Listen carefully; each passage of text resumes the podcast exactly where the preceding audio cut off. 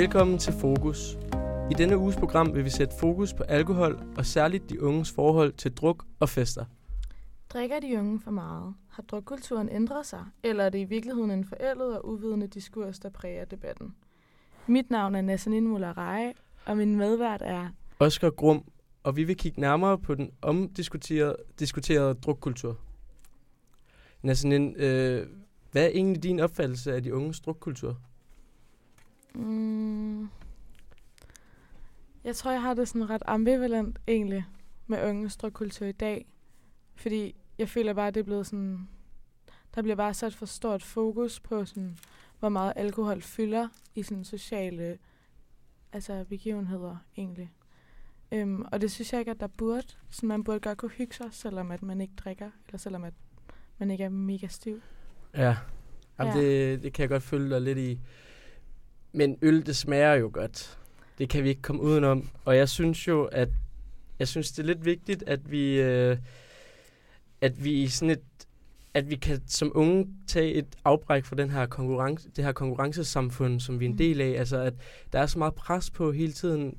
Det, jeg synes, det er vigtigt, at os unge ligesom har muligheden for at kunne, kunne sige, nu tager vi altså lige en pause, nu, nu drikker vi bare hjernen ud, og så glemmer vi alt. Og nu er jeg jo en ret stor fan af, af øl, og det, må, det er næsten alle slags øl. Så jeg har faktisk taget en lille gave med i dag.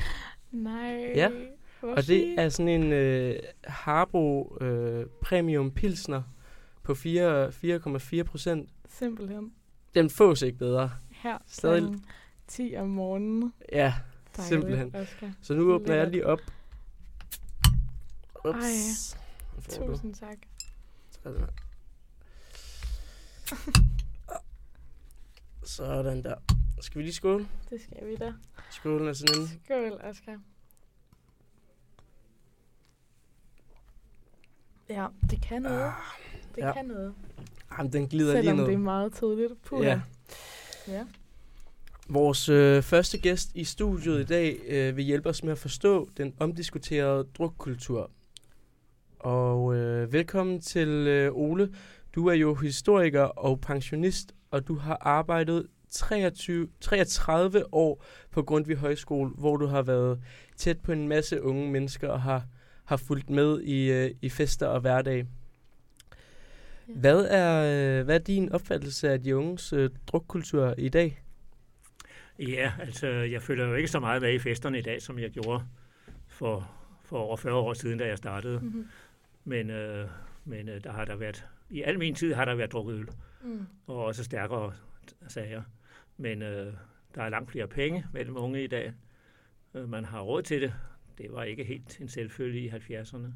At, øh, og der er også sket det, at, at øh, ja, en gang i 80'erne og 90'erne talte man om, at nu var det blevet 4G'ere, der kom på højskoler, og det er det vel i dag. Sådan var det ikke i 70'erne. Det var et meget bredere udsnit af, øh, af dansk ungdom. Det var ikke nær så mange studenter. Hvor gamle var øh, de unge den, dengang?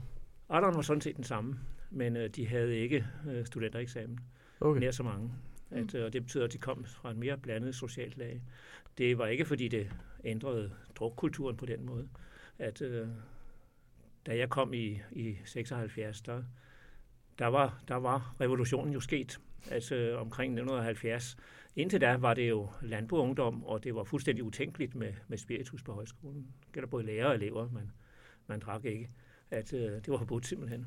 At, øh, det var en revolution, der kom omkring 68-70 med opgøret med autoriteterne og Mm. drenge og piger, der kunne, der kunne være blandet, bo blandet på gangene og så mange ting. Og der kom så også druk ind selvfølgelig. At, øh, og så også noget, man diskuterede meget i 70'erne, så kom jo ind hash-problemet. Altså. Og det var man faktisk mere bange for end, end ølerne. Man havde en ølautomat i kælderen, man kunne gå ned og trække sig for en femmer, kunne man jo trække sig En øl. ølautomat? Ja, ja. Også til hverdag. Og det ødelagde ikke. Jo, altså på hvert af de første hold, da jeg var her, blev der var en eller to elever, der blev sendt hjem. Øh, på grund af, at de, at de sov for mange formiddager, og det var selvfølgelig, det var druk, der lå bag. Det var ikke hast, det var druk, der lå bag. Okay. Mm. Så det var hverdagsfesterne, der gik lidt over gevind? Ja, det var det. Og, Ja. og også fordi med så stor forskellighed, og det ved jeg ikke, hvordan det er i dag, at, at der var jo altid en lille gruppe, der gik i spidsen Mm. med, med at organisere disse hverdagsfester. Og det var ikke nogen hemmelighed, at det var, det var altid en lille gruppe af drenge, der gik i spidsen med, med druk. Var, altså, var man nødt til at, at drikke for ligesom at være en del af den her øh, øh, gruppe? Øh, Ja, det var man nok. Det tør jeg jo ikke sige. Det gælder jo ikke, ikke os lærere. Vi holdt jo vores private drukfester. Mhm. At, øh, og i hvert fald ikke, vi deltog ikke i drukfester på elevernes værelser. Normalt i hvert fald. Så sådan, kunne du forestille dig, at der er nogle af eleverne, der følt sig ekskluderet, Ole? Fordi de ikke drak, måske? Ja, men øh, generelt var det jo meget store elevhold, altså 80-90-100, og derfor var det jo mere spørgsmål om, at man følte sig hjemme i nogle grupper. Men øh, gennem alle årene, og det gætter jeg da på også gælder i dag, at der er nogen, der føler sig ekskluderet. Der er større forskel på unge, end, end øh, man kan se. Jeg går ud fra i dag, nu er det jo altså over 20 år siden mine egne børn gik i gymnasiet, altså de havde deres drukfester, hvor de drak sig fulde hjemme, før de gik i byen. mm. Det er, og, og jeg tror da, at der var nogen, der følte sig ekskluderet også der. Men det er gymnasiets festkultur, oplever jeg, som flytter med ind på højskolen. Ja, sjovt. Bortset fra, at, at der vil også være nogen, der ikke, der ikke har gået i dansk gymnasium. Og det gælder udlændinge for eksempel. Gennem alle årene har der været udlændinge, som har syntes, det var lidt voldsomt. Mm. Det er, det er ikke alle lande, der har samme drukkultur. Min kone har været gymnasielærer og har haft udvekslinger med franske gymnasieklasser, som var meget forbavset over, at der var, at der var øh, spiritus alkohol til fester på gymnasiet. Mm. Det var utænkeligt i, eller er utænkeligt i Frankrig. Ja. Der er en særlig dansk øh, kultur for at drikke ret tidligt som ung. Og den bliver selvfølgelig udfordret på højskoler med den frihed, man har.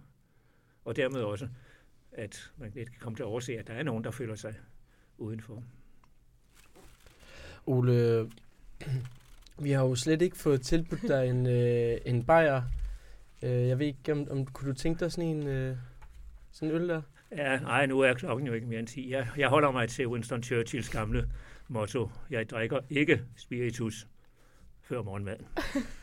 Det er så i orden. Det må jeg virkelig, det må jeg virkelig bruge noget oftere. ja, men det er jo meget interessant, øh, det du siger, Ole.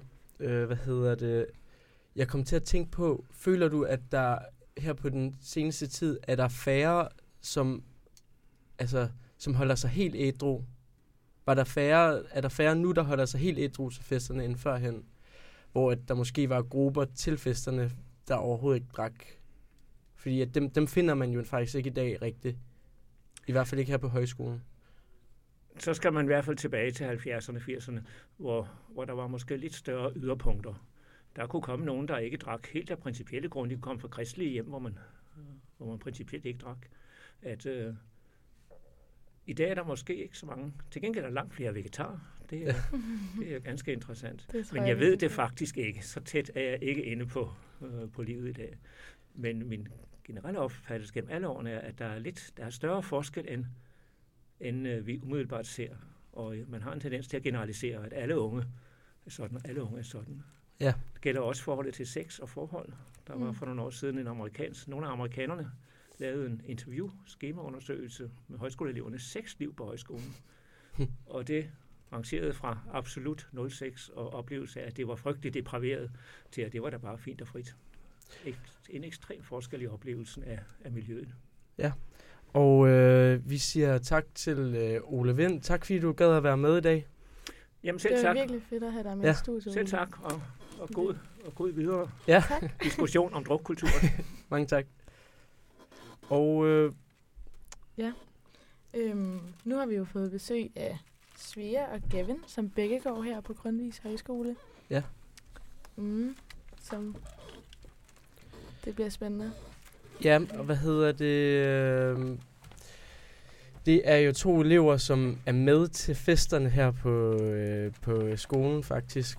Øhm, og de kommer ind i studiet nu, så vi, vi skal faktisk lige lave en rokering. Svea, hvis du kommer herover og sidder, hvor jeg sidder. Øhm, Og jeg er god varme.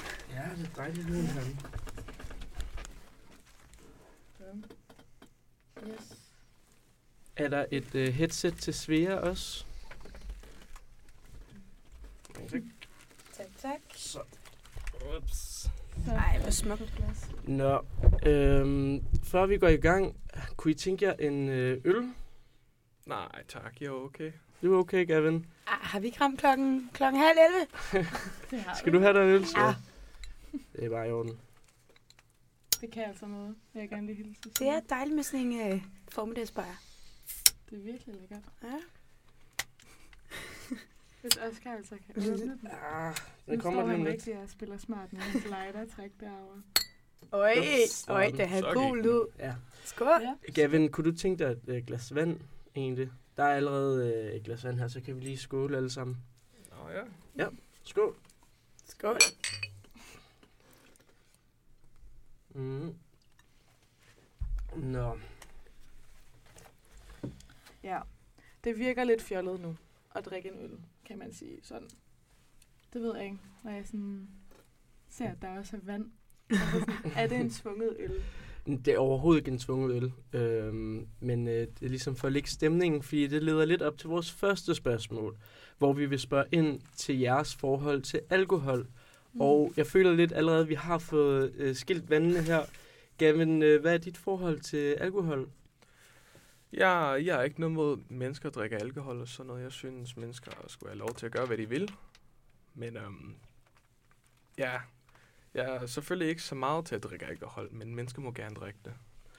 Okay, så du drikker, du drikker overhovedet ikke alkohol. Ah, jeg drikker meget sjældent, men det er kun til ligesom sådan nogle special occasions, kan man sige. Rigtig sjældent, men det er ikke ligesom, jeg går ud og tager en øl til sådan et eftermiddagsfrokost eller noget. Synes du, at øh, mennesker bliver, bliver de fjollede, når de drikker alkohol? Bliver de, er det over grænsen? Eller som det er på højskolen, så, så vil jeg sige ja. Ja. Så bliver mennesker lidt, uh, lidt fjollet, kan Ja. man sige. Kevin, må jeg spørge sådan, hvorfor er det egentlig, at du har valgt ikke at drikke, som, som mange af os andre måske gør? Jeg tror at selvfølgelig i USA, at man må ikke drikke lovligt, før det man er 21. Så jeg er aldrig så meget født op med sådan et drikkultur, som jeg er i Danmark. Mm. Men jeg har aldrig rigtig s- syet behov for det. Og det er også, jeg kan ikke lide smagen af øl. Okay, det kan jeg godt se. Det er Så fair nok. Så du drikker vin, når, når du... Jeg er helst til sådan et god hvidvin eller noget. God hvidvin til, til fødselsdag og sådan. Mm. Sådan noget. Svea, hvad med dig? Hvordan Ja. er dit forhold til alkohol? Jeg synes, jeg har et meget godt forhold til alkohol. Måske det kommer over lidt en, øh, en gang imellem. Men øh, jeg tror, at jeg er vokset meget op, hvor at vi tog til Italien og drak rødvin, fra jeg var 15 år gammel, og sådan nyde et godt glas vin, og nyde min fars lækre øh, hjemmebryg, jeg prøver at leve op til nu. øhm, men ja, og så er der jo selvfølgelig sådan en drukkultur i folkeskolen, med at man starter at drikke, når man er, hvad, går i 8. 9. klasse, som jeg også har fulgt med på, og så er det bare, ja, kørt derfra.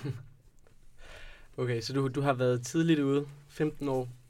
ja, altså, det kan man jo, man kan jo vel godt sige, det er tidligt ude i forhold til andre steder i verden, men jeg tror, i forhold til mange af mine andre venner, er det ikke så tidligt ude. Okay, så du, Ja.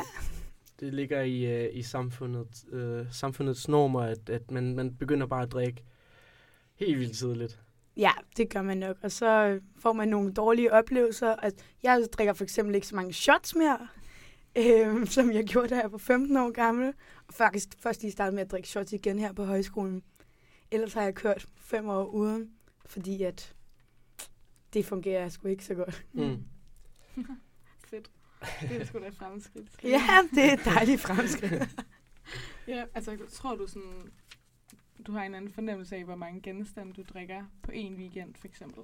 Ja, men jeg prøvede lige at tælle op. Øhm, på en weekend, altså normalt derhjemme drikker jeg jo både fredag og lørdag.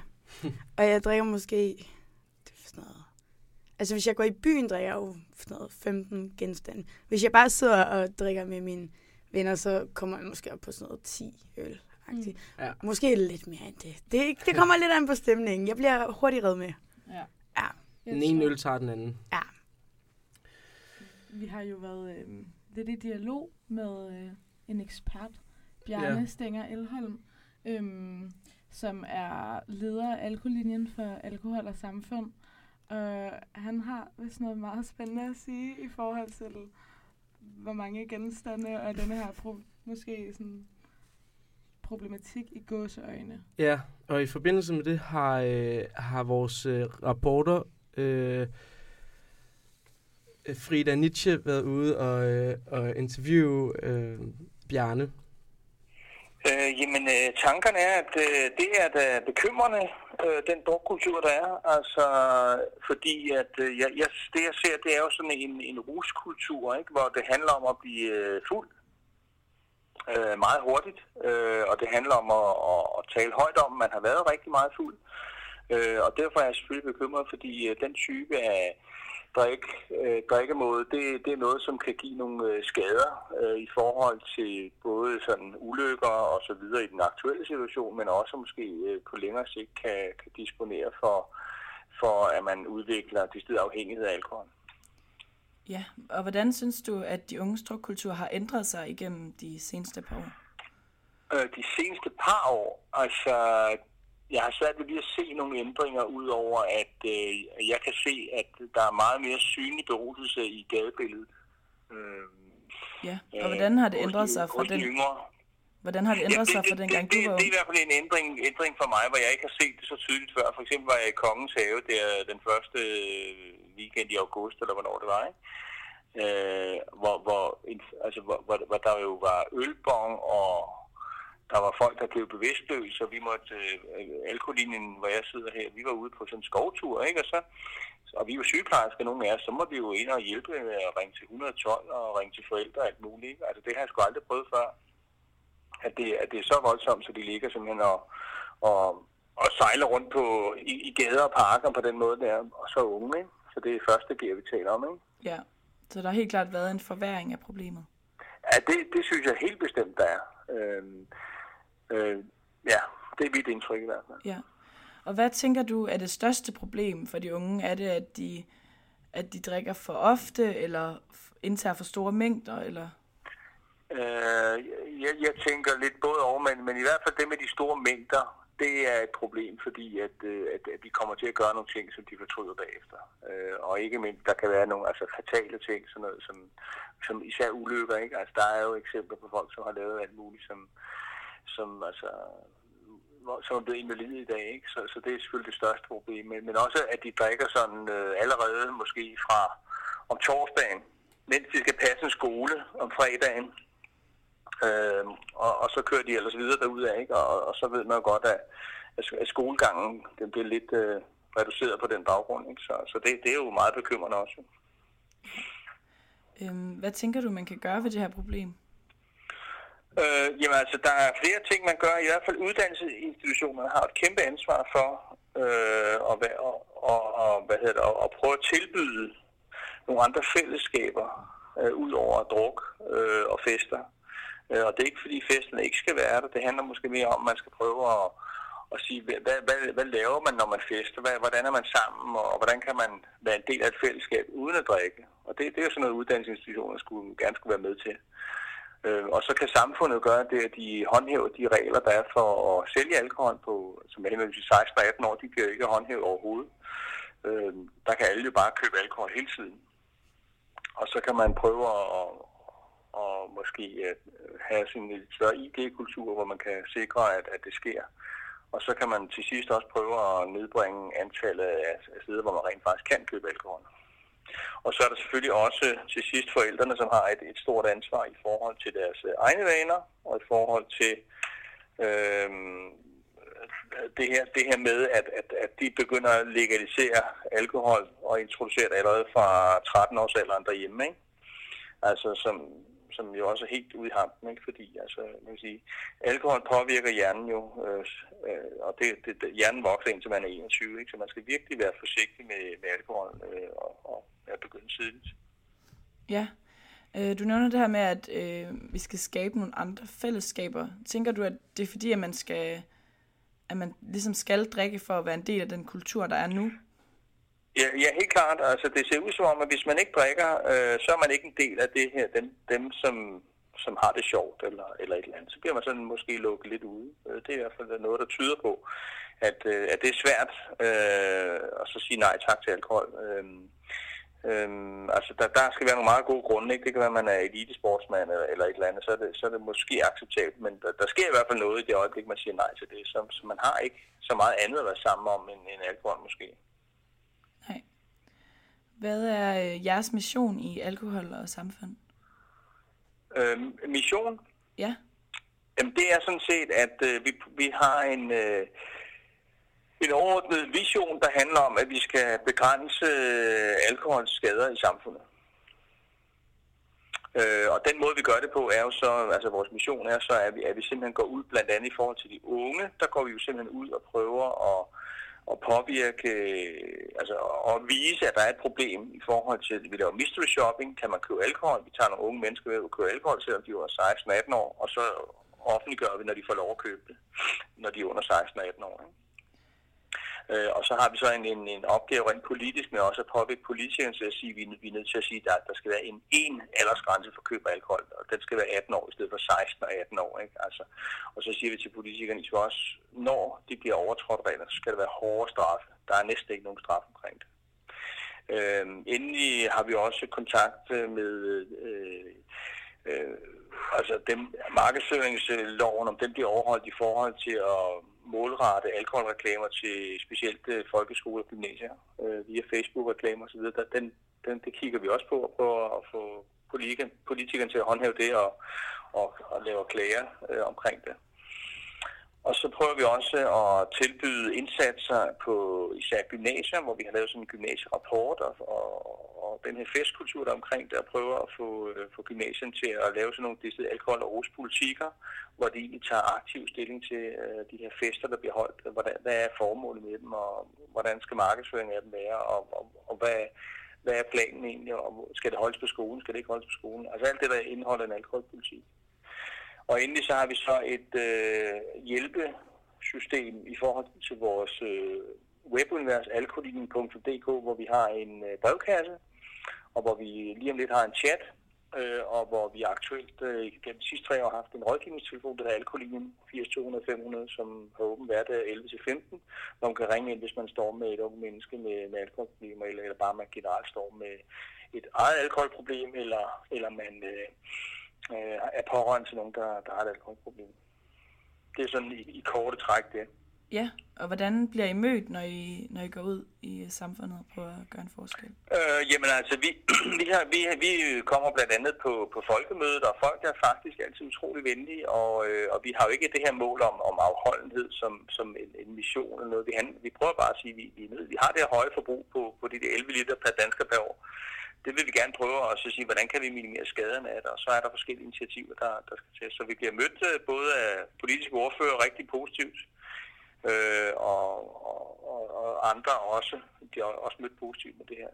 Så det, det har vi ikke sådan de store problemer med, kan man sige, at få, få, få, få taleret. Og, men, men altså, om der så sker noget, om der bliver taget nogle beslutninger, det er noget så mere tvivlsomt. Men generelt er folk positivt, især omkring det her, det her mystery shopping og, og håndhævelse af 16-18 års øh, aldersgrænse. Ja, og kan I se, at, øh, at der sker nogle ændringer efter I har... Øh, umiddelbart er der jo ved at være valg, så der er mange, der lover noget og så videre, men, men det, der i hvert fald sker, det er, at der er mange, der... Altså, vi har haft et beslutningsforslag op i Folketinget, der hedder B27, ikke, hvor man prøver at sige, også, kan, kan vi også lave sådan en, en, øh, en bedre alkoholbehandling derude, sikre en kvalitet derude, så det ikke er så forskelligt, det der foregår. Der, der er i hvert fald mange, der har bakket op omkring det, øh, men, men ikke nødvendigvis kunne, kunne stemme for forslaget. Så, så, så, så vi, vi har i hvert fald øh, nogen, der lytter, og, og så vil, øh, kan de ikke bare 100% op om alle vores initiativer, men, men de lytter der i hvert fald. Det er i hvert fald det første store succeskriterie, vi har. Ikke? Ja, men øh, det er godt at høre. Tusind tak ja. for hjælpen. Jamen, velbekomme. Tak til Bjarne fra Alkohol og Samfund. Svea og Gavin, hvad er jeres tanker om det, øh, Bjarne Elvhan havde at sige? Øhm, altså, jeg har meget svært ved, at vi skal leve så heldigt, og vi skal alle sammen nå at blive 130 år gamle. Altså, jeg kan godt se, at det er et problem, at der er nogen, der starter med at drikke, når de er 13 år gamle. Men at vi skal hæve det hele til, vi er 18, og vi skal, altså sådan hele det her helsekultur, det synes jeg, det, jeg synes, det har taget overhånd.